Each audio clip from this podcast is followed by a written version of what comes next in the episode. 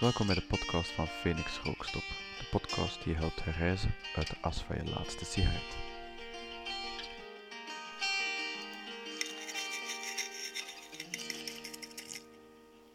Welkom bij een nieuwe aflevering van de Phoenix Rookstop podcast. Vandaag wil ik het hebben over een boeiend onderwerp dat ik niet vaak aan bod zie komen in rookstopbegeleidingen. Vaak gaat het in begeleidingen over de farmaceutische hulpmiddelen, mentale technieken om van de sigaret af te blijven of strategieën om herval te vermijden. Ik zelf vind het echter ook heel belangrijk om doorheen de begeleiding af en toe even stil te staan bij de identiteit van de roker. Hoe kijkt hij naar zichzelf?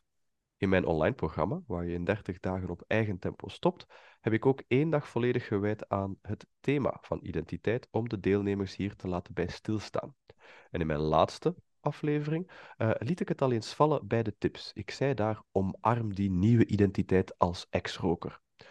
Hoewel het een waardevolle tip is, besef ik ook dat je niet van identiteit verandert zoals je van ondergoed verandert.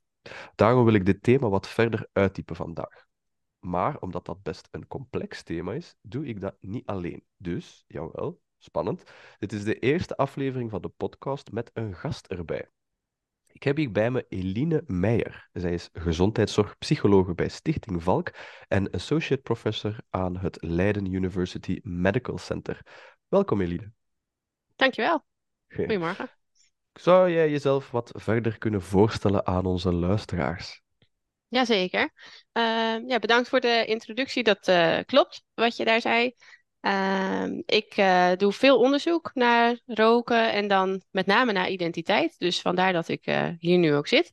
Ehm, ik doe, ja, ik, wat ik eigenlijk wil weten is hoe mensen zichzelf zien in relatie tot roken en hoe dat dan verandert als iemand stopt met roken en hoe je dat kan ondersteunen. Dat is eigenlijk een beetje de kern van het onderzoek dat ik doe.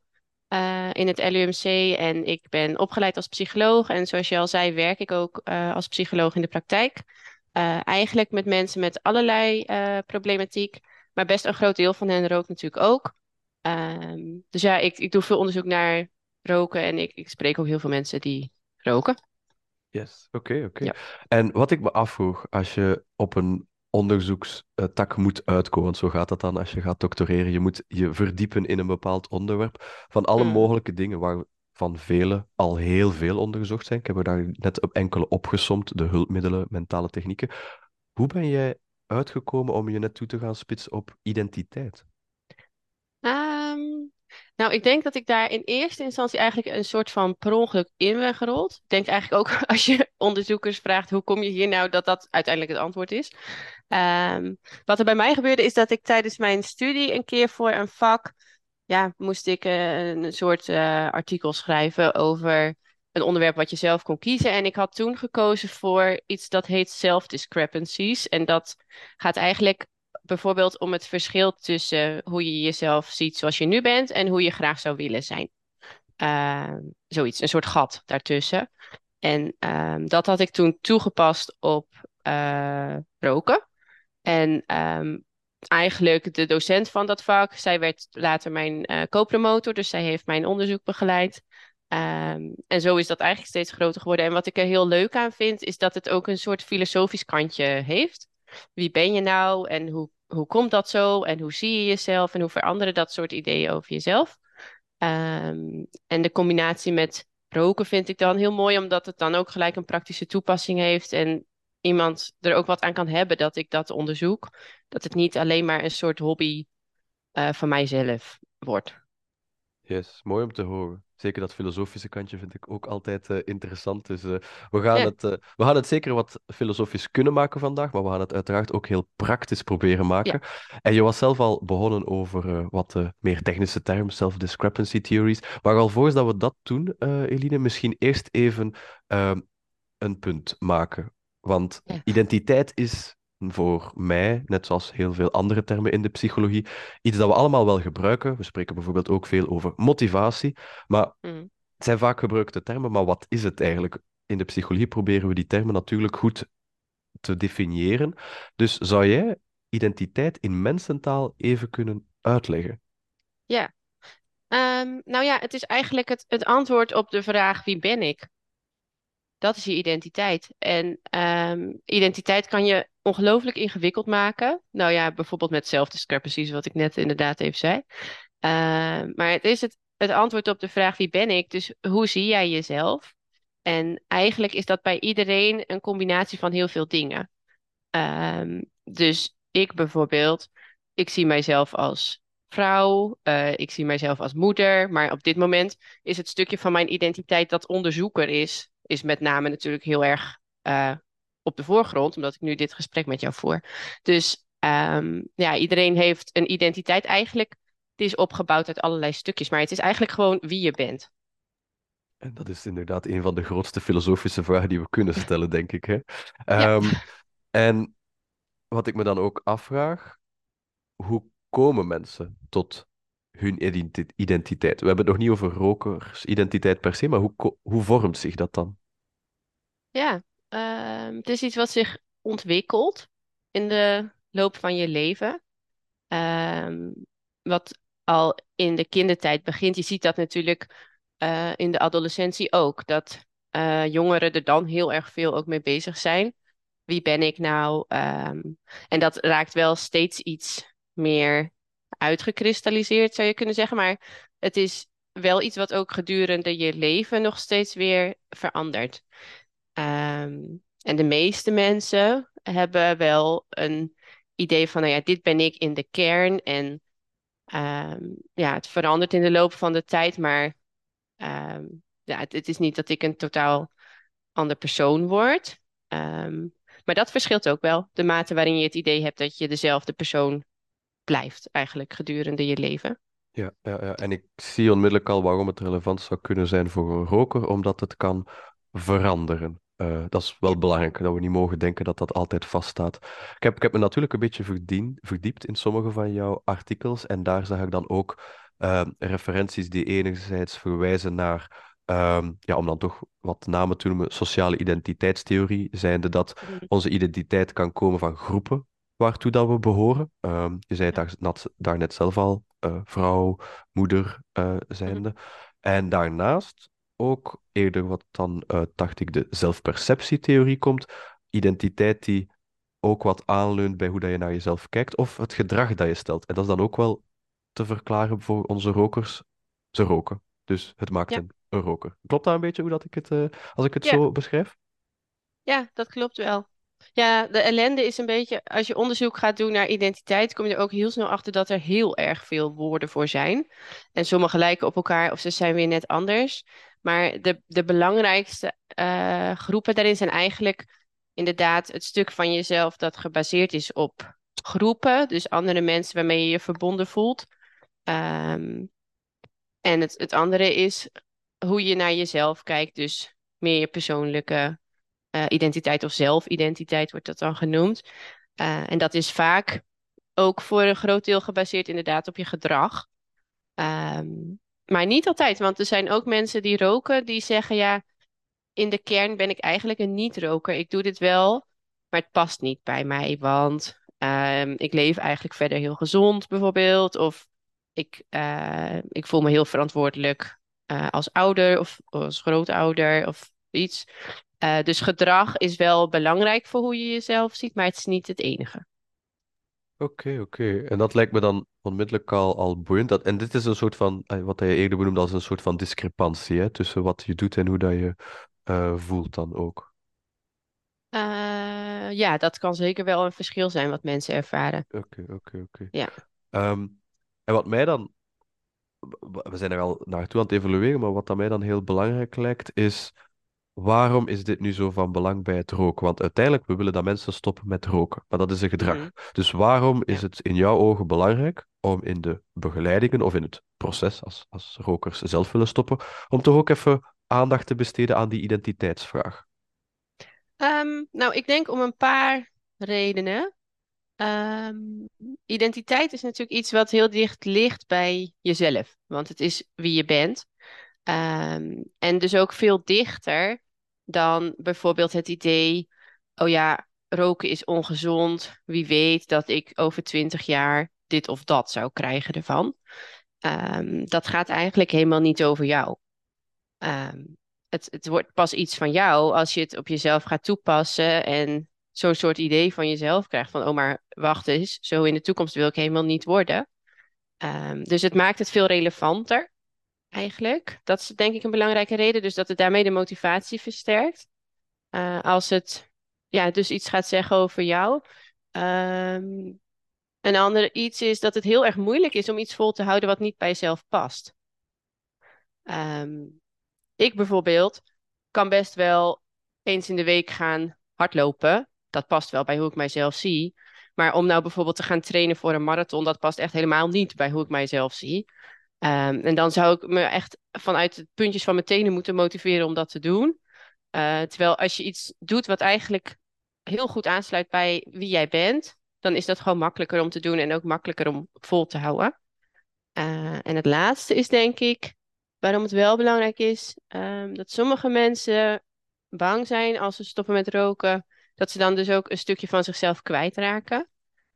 Um, soms is dat een stukje wat heel belangrijk voor hen is. En dat maakt het natuurlijk gewoon best eigenlijk ook wel bedreigend. Uh, en dan kan de neiging om weer terug te gaan naar het roken ook sterker zijn.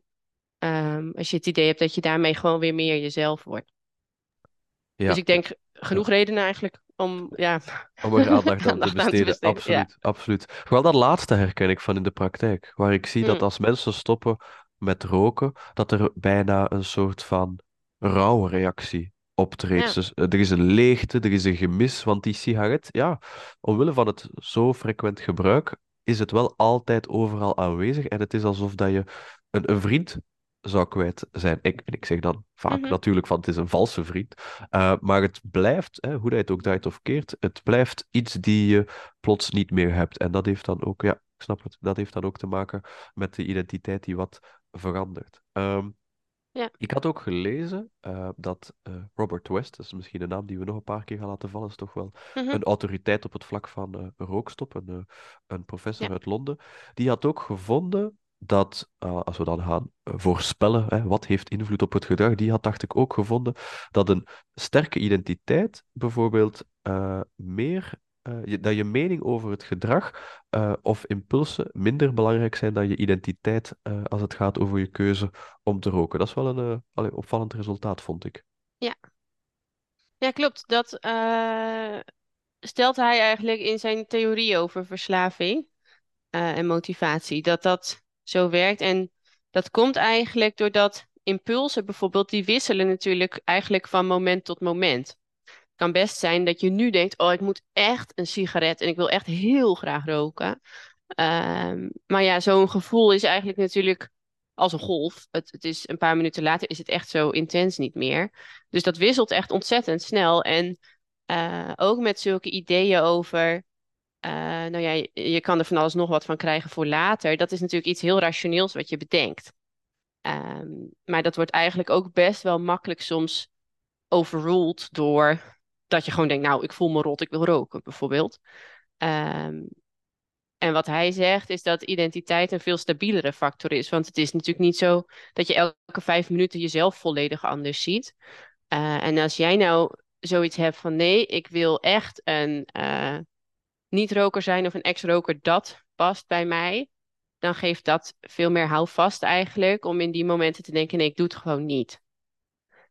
Um, ja, misschien net als dat, stel je loopt door de supermarkt en je bent ervan overtuigd dat jij geen dief bent, dan hoef je niet bij alles wat je ziet te denken, stop ik dit nou in mijn tas of niet? Um, terwijl als, als je, nou ja, jezelf is een beetje een raar voorbeeld, maar stel je ziet jezelf wel meer zo dan moet je daar veel meer over nadenken. En wat zijn nou de consequenties en bla bla bla. Um, terwijl als je denkt, nee, nee, ik doe dat niet, dat past niet bij mij, dat, ja, doe het gewoon niet. Lijkt me ontzettend vermoeiend om zo door de, door de supermarkt te moeten gaan. Als je denkt, ja. uh, van, steek ik dit in mijn tas of niet? Maar op dezelfde manier, als we het omdraaien, is het inderdaad wel zo voor iemand die probeert te stoppen met roken, maar zichzelf nog als roker ziet, zal het wel knap lastig zijn, want die moet wel continu die oefening maken, omdat er continu triggers zijn. Ja, ja nee, oké, dat snap ik. En waar ik dan nu benieuwd naar ben, is: is er één soort rokersidentiteit? Want je hebt daar al benoemd uh, dat sommige mensen misschien wel roken, maar ze vinden dat het niet bij hun past, anderen dan weer wel. Dus zijn er verschillende types rokersidentiteit? Ja. Ehm, de grootste varianten daarin zijn, denk ik, eh, dat je je wel eh, ziet als roker of je ziet jezelf als niet-roker. Eh, maar je hebt natuurlijk ook allerlei tussenvarianten in. Je kan jezelf ook zien als stopper.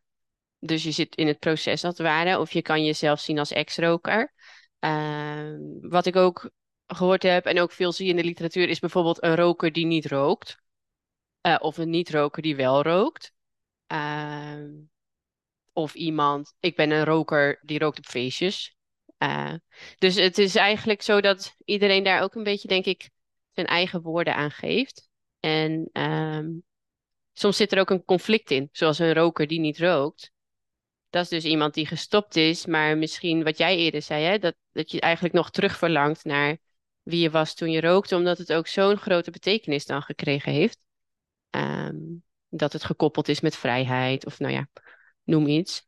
Uh, ja, en dan kan het nog weer zijn dat zo'n identiteit meer voortkomt uit hoe jij jezelf gewoon ziet. Ik ben gewoon een roker en uh, ik kan in mijn eentje een roker zijn, zeg maar. Of ik ben een, een, roker en ik voel me ook heel erg verbonden met andere mensen die ook roken. Dus ja, je hebt echt heel erg veel varianten daarin.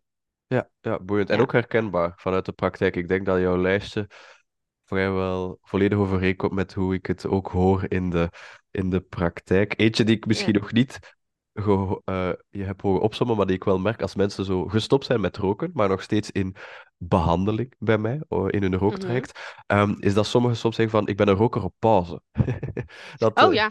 dat, uh, dat van, um, ja. ik, ik zie dat ik nu niet rook, maar ik heb het gevoel dat ik wel nog eens ernaar ga terugkeren. En dan weet ik natuurlijk van, oh, we zijn er nog niet. Hier is nog, wat, uh, nog even wat werk aan de winkel. Mm -hmm.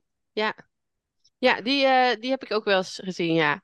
Ja of een, een, roker die nu even niet rookt. Um, dat zie je ook best wel veel bij um, zwangere vrouwen.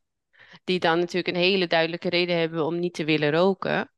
Um, maar dan ook wel een soort gemis kunnen ervaren naar hoe het daarvoor was. En dan als je, zeker als je voor het eerst zwanger bent, is dat natuurlijk best wel een aardverschuiving. Ook qua wat kan ik nog wel en niet nu doen. Uh, en dat het heel erg gekoppeld raakt met, oh ja, vroeger, toen was ik vrij en autonoom. En, nou ja, en dan ben je dus even een roker die eventjes niet rookt.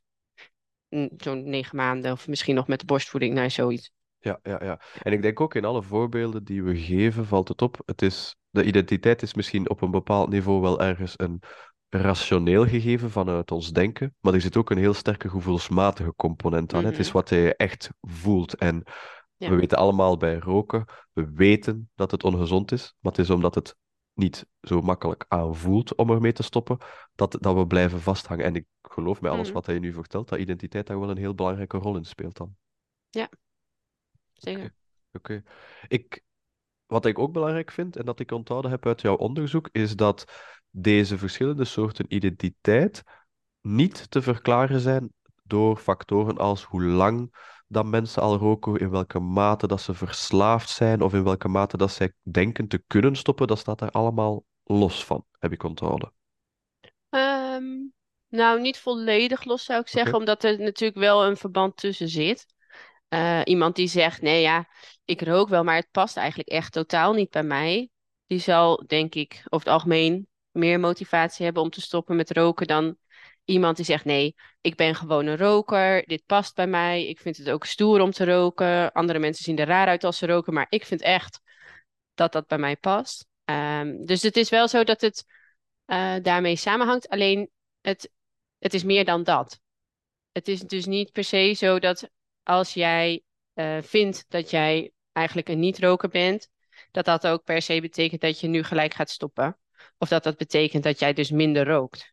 Uh, ja, het gaat echt om je ideeën van wie jij bent. Ja, oké, oké. En dat idee van wie jij bent, had ik gelezen in je onderzoek, heeft ook te maken met een zwakke of uh, versus een sterke identiteit. Uh, heel specifiek, je had uh, in een van je onderzoeken, dacht ik, gevonden dat het niet zozeer een zwakke identiteit als roker is die ertoe doet, maar eerder de sterke identiteit als niet-roker die belangrijk is om te slagen in een, in een rookstop. Heb ik dat goed uh, begrepen ja. zo? Ja, dat is wel wat we vaak uh, vinden, ja. Um, niet dat uh, het er helemaal niet toe doet hoor. Of je jezelf nou ziet als roker. Ehm, ja, misschien goed om nog even te zeggen wat bedoeld wordt dan met een zwakke of sterke identiteit. Maar dat, dat gaat eigenlijk gewoon om, uh, zie je jezelf nou echt heel erg als roker bijvoorbeeld of een beetje? En als je jezelf heel erg als roker ziet, dan heb je dus een sterke identiteit als roker. Um, en veel mensen denken eigenlijk dat het een beetje twee kanten van hetzelfde is. Als jij jezelf heel erg ziet als roker, dan zal je jezelf wel niet zien als niet-roker. Uh, en andersom. Maar je kan het dus ook beide hebben. Uh, het kan ook zijn dat je het allebei niet hebt. Uh, en het gaat er vooral om, vind jij nou eigenlijk dat niet-roken bij jou past? Uh, en kan je jezelf voorstellen als niet-roker? Of ben je dat misschien al wel en rook je nog, zeg maar zoiets? Uh, want dat is natuurlijk, als je stopt met roken, waar je naartoe gaat. Um, of je het nou niet roken noemt of ex-roken, maar in ieder geval een variant van jezelf waarbij je niet rookt. En als je dat totaal niet ziet zitten, dan is dat proces natuurlijk ook heel moeilijk. Want je weet wel dat je daarheen gaat. Um, ja. Dus dat is denk ik de reden dat we steeds zien dat dat eigenlijk er meer toe doet. Oké, okay, oké. Okay. En je ja. maakt ook al het onderscheid tussen dat proces, hè, de huidige identiteit en de toekomstige identiteit. En ik denk ja. ook dat het die verandering is die het voor veel mensen zo moeilijk maakt, want ze hebben het gevoel, ik ga iets verliezen van mijn huidige mm-hmm. identiteit en ik weet, misschien wel rationeel, wat het mij zal opleveren als ik stop, maar ik weet nog niet hoe dat mij dat in de kern als persoon gaat veranderen. Dus je weet ook nog niet goed waar dat je exact naartoe gaat. Het is, en het is die overgang die het voor veel mensen moeilijk maakt. Klopt, klopt dat een beetje als Ja. ik het zo eh, beschrijf? Ja, dat denk ik wel. Ja, nee, oké. Dat is, dat is, eh, dat is boeiend, want ja, je kan het, je kan het pas weten als je er echt aangekomen bent. Mhm. Als je echt voelt van, ik ben een eh, niet-roker en dat past bij mij. Ja. Maar dat, dat loopt niet met de vingerknippen natuurlijk. Nee, dat klopt. Maar wat denk ik bij zoiets ook wel heel belangrijk is, is om ook bewust te zijn van de stukjes van jezelf die hetzelfde blijven. Eh, of juist die misschien nog meer tot hun recht komen. Eh, als je wel op weg gaat dus om een niet-roker te worden bijvoorbeeld. Ehm, ja. Ja, dat vind, dat vind ik boeiend dat je dat zegt, want dat is wel een heel herkenbare. Er zijn veel mensen die, eh, die het gevoel hebben dat als ze hun rook opgeven, dat inderdaad ook hun hele persoon zou moeten veranderen. Ehm, en dat ze een of andere gezondheidsgoeroe of eh, dat ze moeten leven als een monnik vanaf nu. Maar daar hoor ik Mhm. je nu duidelijk zeggen van, ja, nee, in de kern blijf je wel dezelfde persoon, maar het is een deel, een facet van jouw identiteit waar dat we aan gaan werken. Ja, dat zou ik wel zeggen. En daarbij is het nog wel belangrijk, denk ik, om een beetje onderscheid te maken tussen de verschillende fases die er zitten in zo'n stopproces. Want eh, voor veel mensen is de eerste week heel lastig, omdat je dan gewoon die lichamelijke ontwenning kan hebben. Ehm, dus misschien ben je in die eerste week meer prikkelbaar of zo dan je jezelf kent. Maar dat betekent niet dat je nou de rest van je leven dus een prikkelbaar persoon bent. Dat je zeg maar een soort prikkelbaar identiteit eh, aangesmeerd hebt gekregen hierdoor. Ehm, dat hoeft helemaal niet zo te zijn. Eh, dus het, ja, dat onderscheid is denk ik wel van belang. Yes, De yes. eerste week of de eerste weken dat die echt wel anders zijn dan hoe het daarna is. Ja, ja. En Ja. ook daar denk ik dat opnieuw de omgeving, de invloed van de omgeving op onze identiteit wel een rol speelt. Want ik merk in de praktijk ook dat mensen die zichzelf als een zonderling vinden, de laatste eh, van de groep eh, die nog rookt, die hebben Ja. vaak wat makkelijker en wat meer steun dan de eerste van de groep die zou beslissen van ja, ik ga ermee stoppen. Die merken vaak wel nog wat meer, maar ik ga niet zeggen tegenkanting, maar wel moeilijkheid om die verandering in dat proces door te maken. Ja, en dat is denk ik ook wel heel erg logisch. Ehm, sowieso als je denk ik kijkt naar hoeveel steun ervaar je uit je omgeving, dat dat anders zal zijn. Ehm, maar ook wel als je in een omgeving zit waar heel veel mensen roken en bijvoorbeeld je familie wordt veel gerookt of in een vriendengroep wordt veel gerookt of collega's, nou, noem maar wat. Ehm, dan is de kans ook veel groter, denk ik, ehm, dat die sociale identiteit waar we het eerst over hadden, het stukje van jezelf wat eigenlijk gebaseerd is op verbinding met andere mensen of dat je onderdeel bent van een groep, dat die veel sterker is. Dus dat je eigenlijk misschien wel voelt, ik hoor bij de groep van rokers. Ehm, ja, en dat maakt het natuurlijk wel lastiger om dan te stoppen met roken. Ja. Neem niet weg dat niet kan, maar ehm, ja, ik Nee. kan me dat goed voorstellen dat het lastiger is. Ja, veel om, veel om rekening mee te houden en dat herkennen we ook. eh, dat is een van Ja. mijn motto's. Eh, stoppen met roken is geen kwestie van zuivere wilskracht. Er zijn zoveel parameters waarmee dat we kunnen spelen. En nu zijn we al een hele tijd aan het volpraten met enkel en alleen de parameter van identiteit waarmee dat we kunnen spelen. Dus er komt echt, echt wel wat meer bij kijken dan, eh, dan wilskracht. Ja, Ehm, dat vind ik ook echt een misvatting. mhm. Het is ook gewoon verslavend spul natuurlijk. Ja. Dus Nee, nee, nee. Ehm, wat ik ook in de praktijk merk en dat ik graag jouw mening even over zou willen vragen, eh, omdat ik, heb er zelf nog maar één paper over gevonden, maar ik ga, ik ga eerst even jouw mening vragen. Ik merk als ik het aan mijn cliënten voorleg en ik zeg van ja, zie je jezelf nu, je bent gestopt, zie je jezelf nu als een ex-roker of een niet-roker? En dan zijn er vaak die reageren van ja, nee, nee, een niet-roker, nee, zo zou ik mezelf nooit durven noemen. Ik heb gerookt, ik ben een ex-roker en niet-roker, nee, dat ga ik nooit kunnen worden. Wat, wat is jouw idee daarover met, met het onderzoek dat je hebt gedaan? Ehm, nou, dat het heel divers is. En dat iedereen ook weer andere associaties eigenlijk weer heeft bij zulke soort woorden. Ik eh, kan me voorstellen inderdaad dat mensen zeggen, nee, ik word nooit een niet-roker natuurlijk, want ik heb gerookt. Dus dat, dat kan gewoon niet. Dat klopt niet qua, qua woord.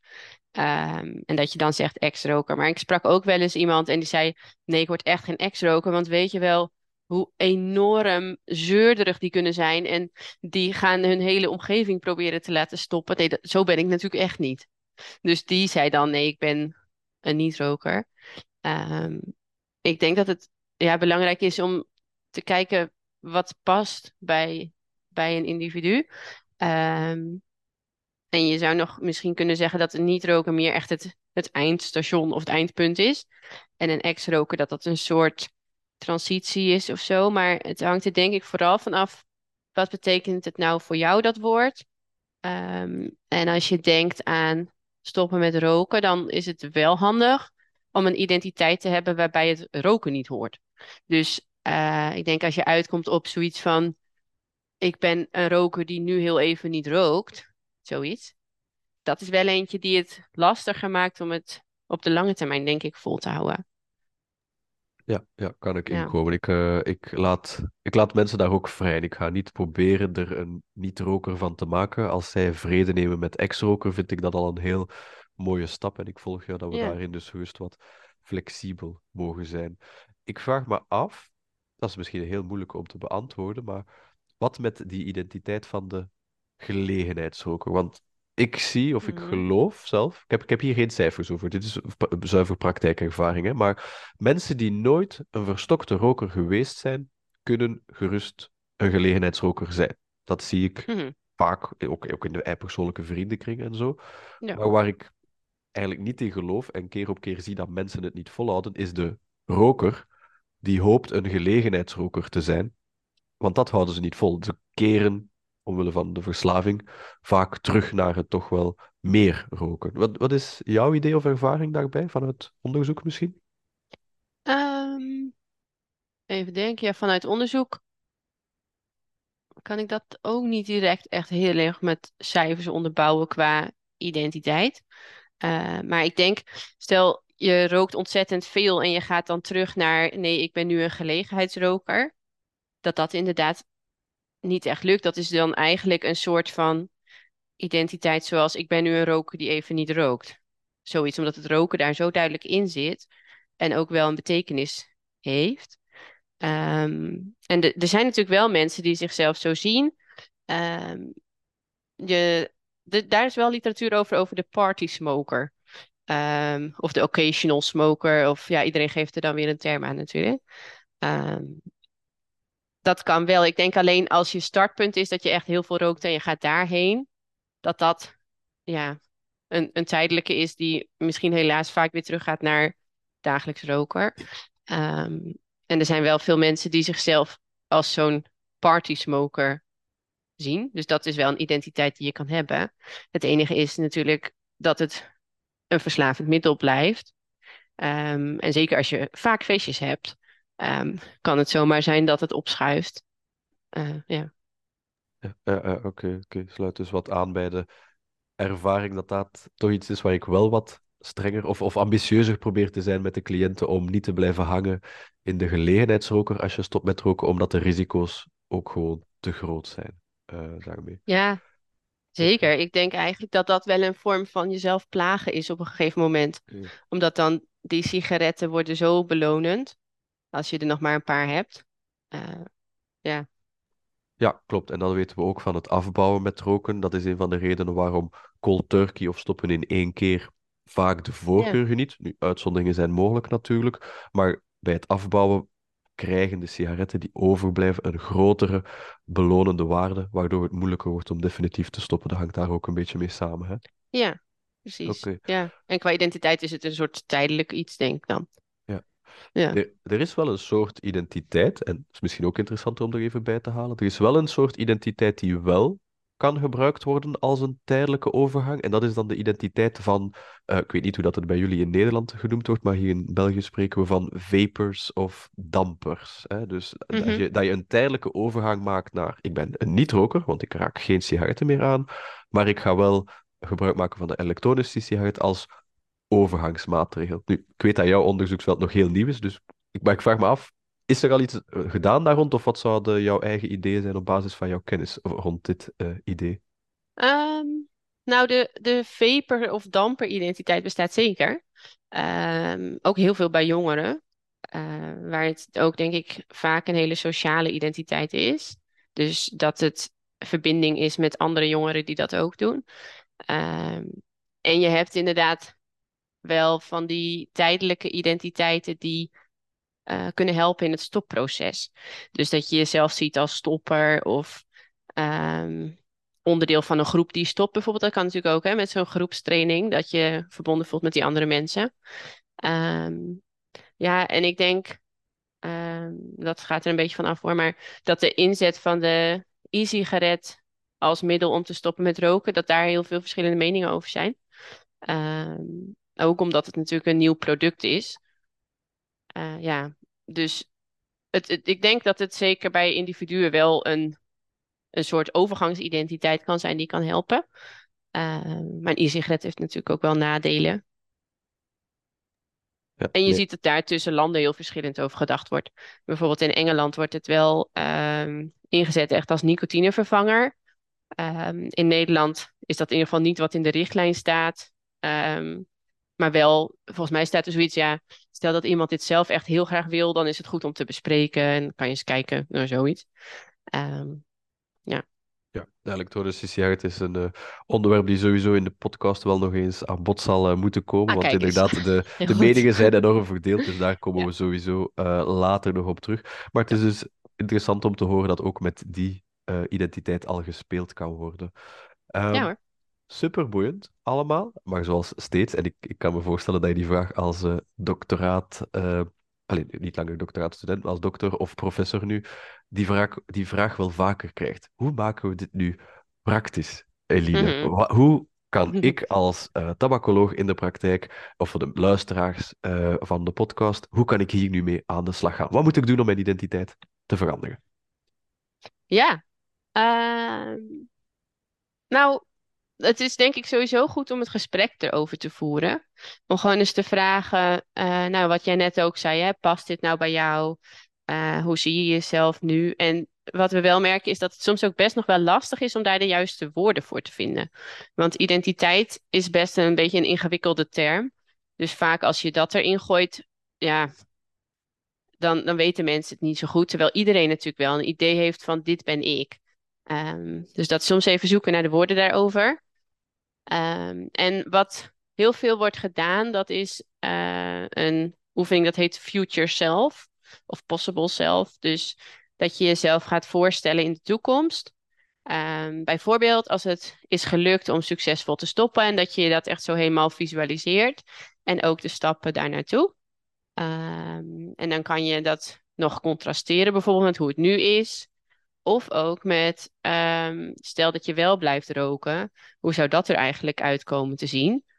Um, en dat je gaat kijken naar het verschil tussen die twee. Um, het enige is dat daar heel veel onderzoek naar is gedaan al uh, bij andere gedragingen. Dus bijvoorbeeld bij sporten of gezonder eten, uh, van alles. Ehm, maar daar werkt het goed. Bij stoppen met roken werkt het nog iets minder goed. Uh, dat is natuurlijk een verslaving. Dus wij zijn daar heel veel mee bezig. Hoe kunnen we dit nou echt geschikt maken, ook voor uh, stoppen met roken? Omdat we er wel heel veel potentie in zien. En identiteit bij stoppen met roken ook heel erg belangrijk is. Maar zeg maar, de perfecte oefening is er nog niet echt voor. Uh, dus ja, dit is iets wat, wat wij nu veel aan het onderzoeken zijn, hoe je dat nou het beste zou kunnen doen. Uh, en dat is een van de mogelijkheden. Uh, maar gewoon, ik denk, het gesprek erover voeren is al heel waardevol, omdat mensen het misschien zich ook niet altijd zo heel erg realiseren.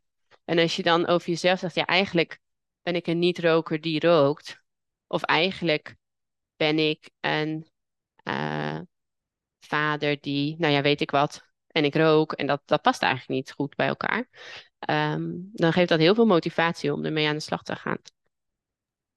Oké. Okay. Ik ben blij je dit te horen zeggen, want uh, de Future Self-oefening is exact degene die ook in het uh, online rookstopprogramma zit opgenomen. Dus op dat vlak, uh, op dat ja. vlak zat ik al op het goede spoor. Ja, um, zeker. Ik vroeg me af, um, want soms wordt die oefening ook gebruikt in contrasterende vorm, wat, waarmee ik bedoel dat je twee versies kan maken. De future mm. self, de toekomstige zelf waarin dat je geslaagd bent in je opzet. Je bent er ook vrij, ja. positief beeld, welk effect heeft dat?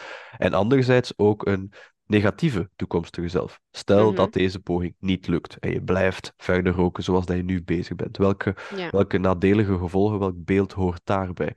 Mm -hmm. Weet je daar iets van? Is dat oké? Okay? Want we, we, weten ook dat allerlei negatieve plaatjes en zo, dat, dat, dat, dat we hopen mensen af te schrikken, maar dat blijft niet duren. Dus denk je als we het gaan toepassen op identiteit en de negatieve gevolgen, dat het een betere impact gaat hebben? Ja, ik denk wat je er daarmee uh, soort van tussenuit haalt, is het idee: dit gaat niet over mij. Want uh, inderdaad, met zulke plaatjes, het is heel afschrikwekkend natuurlijk om te zien. En het is veel fijner om te denken, oh ja, dat, dat kan je er wel van krijgen. Maar bijvoorbeeld mijn opa, die heeft heel veel gerookt. En die is, uh, weet ik wat, 90 geworden zonder ooit iets. Uh, dus dat kan je best wel makkelijk soort van wegrationaliseren, denk ik. Terwijl als je dit doet, dan is het natuurlijk je eigen beeld van hoe je in de toekomst zou zijn.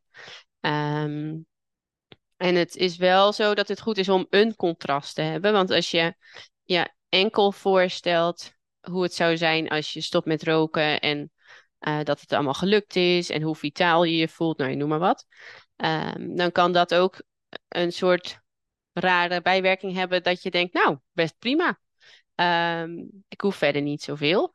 Uh, dus het kan een contrast zijn met zo'n heel naar beeld, of het kan een contrast zijn met hoe je nu bent, bijvoorbeeld, nu je rookt. Um, maar daarin is denk ik ook de volgorde belangrijk. Wat wij hebben het gevraagd aan veel mensen die roken. En die vonden het echt vervelend om te eindigen met dat nare plaatje bijvoorbeeld. Want dat is dan wat er blijft hangen. Dus wij doen het dan andersom. Dan doen we het nare plaatje eerst en dan het ideale plaatje. Um, en dan is het natuurlijk heel belangrijk om verder ook gewoon handvatten te geven. Hoe kun je dat nou doen? Want anders zit je met zo'n beeld. En ja, dan moet je nog stoppen met roken natuurlijk. Dus daar heb je dan wel die ondersteuning ook bij nodig. Uiteraard, is deel van een groter geheel. Ja, ja, ja. ja, Ik probeer het ook zo concreet mogelijk te maken. Dus naast het schrijven bijvoorbeeld, zeg ik ook tegen mensen voor foto's of afbeeldingen te zoeken die daarbij passen, om het ook gewoon zo tastbaar mogelijk te maken. En een oefening die ik zelf ook gebruik, waar ik nu ik de kans krijg, ook even ga aftoetsen bij jou. Uh, maar ik vraag mm -hmm. soms aan cliënten om een brief aan hun toekomstige zelf te schrijven. En dan vooral op het moment dat ze de praktische tips en tools gekregen hebben, ze zien het volledig mm -hmm. zitten, ze zijn ja. gemotiveerd, maar op dat moment zijn die ontwenningsverschijnselen nog niet volop aan de gang. En dan zeg ik van, kijk, neem even vast hoe dat je je nu voelt en wat je aan je toekomstige zelf, die misschien gaat twijfelen, zou willen aanraden. Leg die brief aan jezelf ergens in een schuif, een lade. Mm -hmm dat je ze terugvindt op moeilijke momenten. En lees die dan even na. Goeie tip, denk ja. je, op basis van uh, identiteit? Jazeker. Dat denk ik wel. Uh, omdat je daar ook vanuit hoe je jezelf nu ziet in kan schrijven, denk ik, waarom het belangrijk is, bijvoorbeeld. Uh, en het helpt ook misschien wel voor het idee dat je dus eigenlijk in de kern wel dezelfde persoon blijft. Want je schrijft het aan je toekomstige zelf. Dus het is niet ineens een totaal iemand anders. Ehm, dus het, het idee van, ehm, ja, ik blijf gewoon wie ik was. Ook over een paar weken misschien, als ik er best een beetje doorheen zit. eh, en het niet meer zo, ja, fijn vind gaan allemaal. Dan nog steeds ben ik dezelfde persoon. En eh, ja, ik vind dat wel een mooie.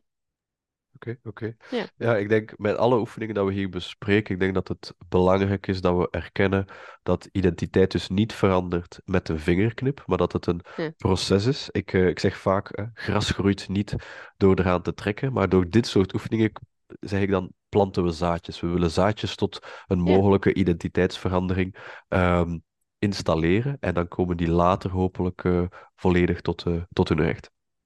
Ja, zeker. En ik denk ook dat je niet alles per se heel expliciet met zulke oefeningen alleen hoeft te doen, omdat eh, dat mensen stoppen doet ook iets met hun identiteit natuurlijk. Waar we het eerder over hadden, een stukje van je identiteit is natuurlijk gewoon gebaseerd op je gedrag.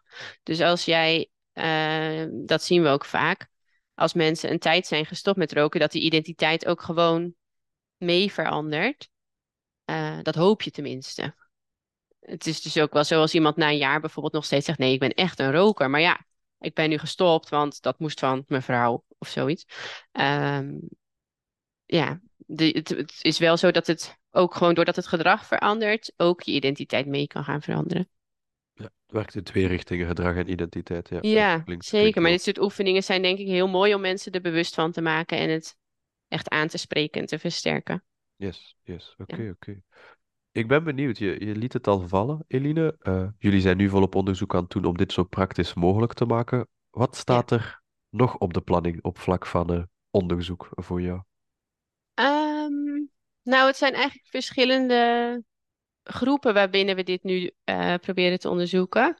Ehm, er zijn een aantal projecten, ja, je zou kunnen zeggen gewoon onder volwassenen die roken. Ehm, een ander eh, specifiek project gaat over zwangeren die in kwetsbare situaties zijn. Dus dan kan je denken aan eh, financiële problemen of relatieproblemen of huisvestingsproblemen. Zo zeg maar mensen die wat meer draaglast hebben dan draagkracht. Ehm, en die dus dan bijvoorbeeld roken. Eh, daarin willen we ook onderzoeken hoe kan je nou identiteit gebruiken eigenlijk om eh, zo'n proces te ondersteunen. Ehm, en we zijn ook bezig met een project eh, juist bij jongeren. Dat, je ziet dat daar het vapen natuurlijk heel erg toeneemt. Ehm, kijken hoe je dat kan proberen te voorkomen, ook vanuit zo'n identiteitsinsteek. Dus dat is juist wat meer aan de voorkant, als het ware. Dus we proberen, hey, kunnen we daar nou ook iets doen? En wat ik heel graag zou willen doen, is ehm, in de geestelijke gezondheidszorg kijken of we dit kunnen inzetten. Ehm, omdat natuurlijk heel veel mensen met psychische problemen roken. Ehm, en daar spelen die identiteitsprocessen ook. Maar ik heb vanuit mijn eigen werk als psycholoog het idee dat het daar dan weer net anders werkt. Ik heb wel eens, als ik dan aan iemand vraag: hey, vind je nou dat het roken bij je past? Ehm, dat iemand bijvoorbeeld zegt: Ja, dat zou ik niet weten, want ik weet ook niet wie ik ben. Eh, past deze wereld eigenlijk bij mij? Dat geldt natuurlijk niet voor iedereen met psychische klachten, maar het kan wel zijn dat je idee van wie je bent wat eh, wiebeliger is, zeg maar, ehm, dan bij mensen zonder psychische klachten. En het is natuurlijk zo dat veel professionals ook roken, ehm, in in Nederland, in de geestelijke gezondheidszorg, psychiatrie.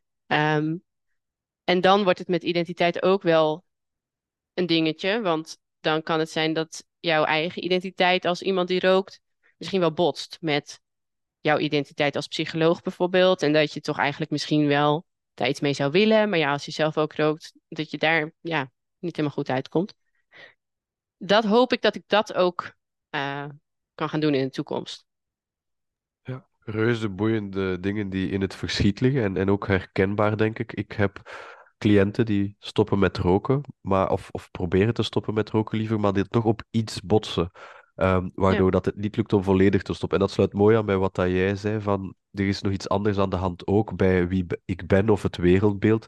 Kan zijn met eh, relatieproblemen of een burn-out die nog niet volledig verwerkt is. Dat er ook daar nog aan gewerkt moet worden om volledig van die sigaret af te raken. Ik zou daar, ik Ja. zeg, ik zeg daar altijd tegen mensen, wacht niet tot alles in je leven prima is om van de sigaret af te raken. Mm. Maar soms zijn de laatste loodjes wel, eh, wel moeilijk uh, daardoor. Ja. Maar daar proberen we dan uiteraard ook aan te werken. En, en voor te verduidelijken, omdat ik je hoor zeggen van, eh, dat is in Vlaanderen trouwens ook zo, de cijfers voor hulpverleners in de geestelijke gezondheidszorg en vooral in psychiatrie zijn hoger dan gemiddeld, wat dat heel raar is omdat het gezondheidsprofessionals zijn. Maar ik heb begrepen, of, of me laten vertellen toch door hen zelf, dat het ook vaak te maken heeft met het feit dat eh, patiënten laten roken en als hulpverlener dan buiten met hen mee staan roken, gewoon eigenlijk een goed therapeutisch moment is. Want iedereen is kalm, er kan een normaal gesprek plaatsvinden en het zijn soms van de meest efficiënte, eff- effectieve eh, connectiemomenten tussen hulpverlener en patiënt. En dat is wel een grote uitdaging, omdat het deel uitmaakt van hun job, eh, natuurlijk. Zeker, ja. Ja, en dan kom je denk ik ook weer een beetje op dat sociale stukje van identiteit. Dat het heel eh, betekenisvol kan worden in het contact, het roken. Ehm, en dat zit dan in de weg. En zeker als jij niet de enige hulpverlener bent die rookt. En als heel veel cliënten of patiënten ook roken. ehm, ja, dan is dat lastiger. Ja, ja, ja. Ik vind dit trouwens wel, ik kan me heel goed voorstellen dat het zo beleefd wordt ehm, door deze hulpverleners. Ehm, maar dan ga je wel ook heel erg voorbij, denk ik, aan wat het roken allemaal nog meer doet. Dat het ook wel een instandhoudende factor is voor veel psychische klachten. Of in ieder geval voor angst en depressie is dat echt wel heel duidelijk aangetoond. Ehm, dus dan kan het zijn dat je op dat moment een fijn moment hebt en dat, het, dat de persoon wat rustiger is of zoiets. Ehm, maar op de langere termijn heb ik er wel grote twijfels bij het, eh, het nut daarvan. Ja, zeer terechte opmerking. Kan ik alleen maar mee akkoord gaan.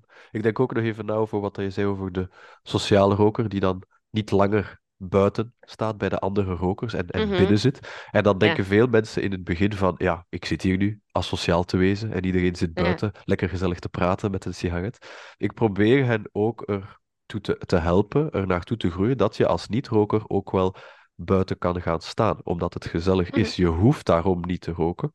Eh, maar dat is een proces opnieuw. Je moet Ja. niet in het begin de kat bij de melk te gaan zetten, want dan maak je het jezelf gewoon nog moeilijk als je nog volop Ja. in de, eh, in de ontwenningsverschijnselen zit. Maar ik, ik druk dan mensen op het hart. Het is wel de bedoeling dat jij jezelf kan blijven en dus een sociaal persoon kan zijn. Alleen Ja. hoeft jouw persoon niet gedefinieerd te worden door die sigaret in jouw vingers.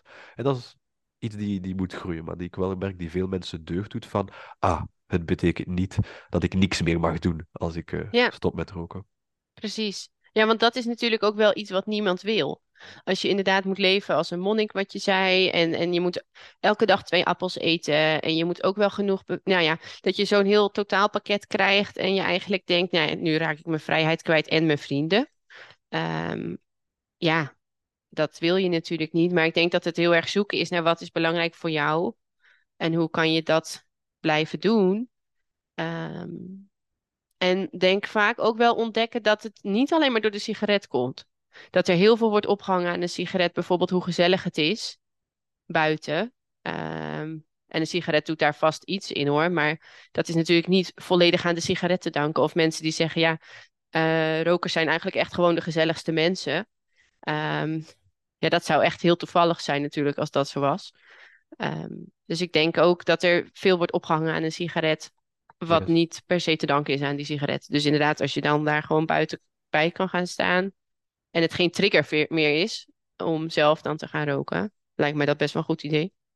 Yes, en wat je daaraan haalt zijn heel sterke mythes die blijven bestaan natuurlijk. Er Ja. zijn associaties gevormd in ons Ja. hoofd. Ehm, ook weer voer voor andere afleveringen waar ik het zeker over Ja. wil hebben.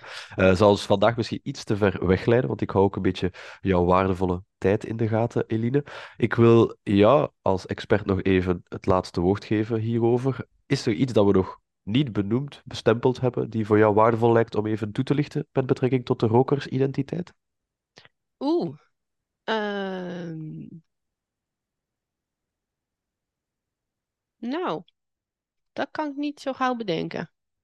Dat is, eh, Nee. teken, dat is teken dat ons eh, praatje heel volledig was, dat we zoveel mogelijk belicht hebben. Ja, Eh, ik denk het wel. Oké, Ja. super. In dat geval wil ik jou van harte bedanken, uh, Eline, om jouw onderzoek hier met ons te delen en zo praktisch mogelijk te vertalen. Uh, we gaan het straks nog even hebben over waar dan mensen jouw uh, gegevens of jouw onderzoeksresultaten kunnen vinden, voor mensen die geïnteresseerd zijn om al die mhm. veelbelovende dingen die in de pijplijn zitten ook op te volgen in de toekomst. Dat zullen de mensen kunnen vinden in de show notes. Um, voor onze luisteraars, hopelijk heb je iets zo van, tja, dit was interessant. Of dan denk je automatisch aan een roker die gewoon nog heel hard vasthangt aan zijn of haar rokersidentiteit. Deel dan zeker even deze aflevering verder, zodat meer mensen geholpen kunnen worden om te slagen in hun rookstoppoging. Um, Laat zeker ook even een rating achter voor de podcast, zodat meer mensen de afleveringen kunnen ontdekken. Zoals altijd, hebben jullie zelf vragen of suggesties voor een volgende aflevering? Laat ze me zeker weten. Je vindt ook mijn contactgegevens in de show notes. En dus graag tot de volgende keer.